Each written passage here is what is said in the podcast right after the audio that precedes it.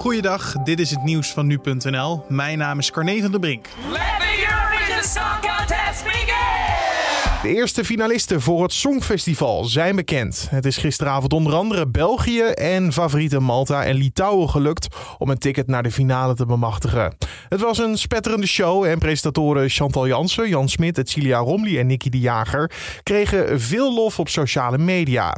Daarnaast was er een indrukwekkend pauzenummer van Davina Michel en actrice Tekla Reuten. Het nummer was geïnspireerd op het water, een belangrijk onderwerp voor Nederland.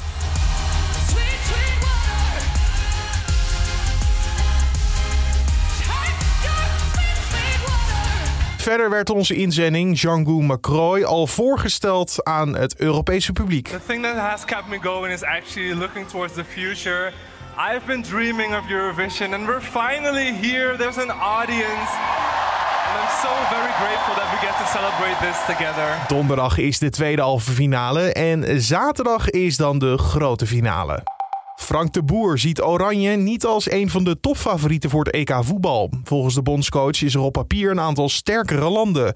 Maar hij wil wel minimaal de halve finales behalen. Volgens hem zijn België, Frankrijk en Spanje de topfavorieten. En wij schommelen rond de 4 tot 8ste plaats. Dat wil niet zeggen dat de Boer niet aan de eindzege durft te denken. Hij benadrukt dat Oranje een elftal heeft dat het ieder land moeilijk kan maken.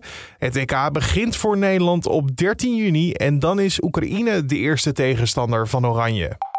Bijna 500 besmettingen in Amsterdam zijn gelinkt aan Koningsdag. Dat heeft de GGD Amsterdam na bron- en contactonderzoek vastgesteld. Het overgrote deel van de besmettingen heeft binnen in mensen hun huis plaatsgevonden. De meerderheid van de meldingen is gevonden in de groep jongvolwassenen. Het niet naleven van de maatregelen tijdens Koningsdag was onverstandig en heeft geleid tot deze besmettingen, zo stelt de GGD. Het Israëlische leger betreurt dat er bij de luchtaanvallen op Gaza burgerslachtoffers zijn gevallen. Israël probeert bij de luchtaanvallen belangrijke knooppunten van Hamas aan te vallen, zoals ondergrondse tunnels waar Hamas-leden zitten verstopt. Volgens Israël zijn de tunnels bewust gebouwd onder wijken waar burgers wonen om ze te gebruiken als levend schild.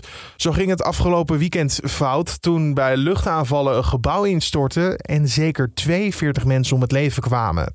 Het wordt gezien als de dodelijkste aanval sinds het conflict tussen Israël en de Palestijnen weer is opgeleid.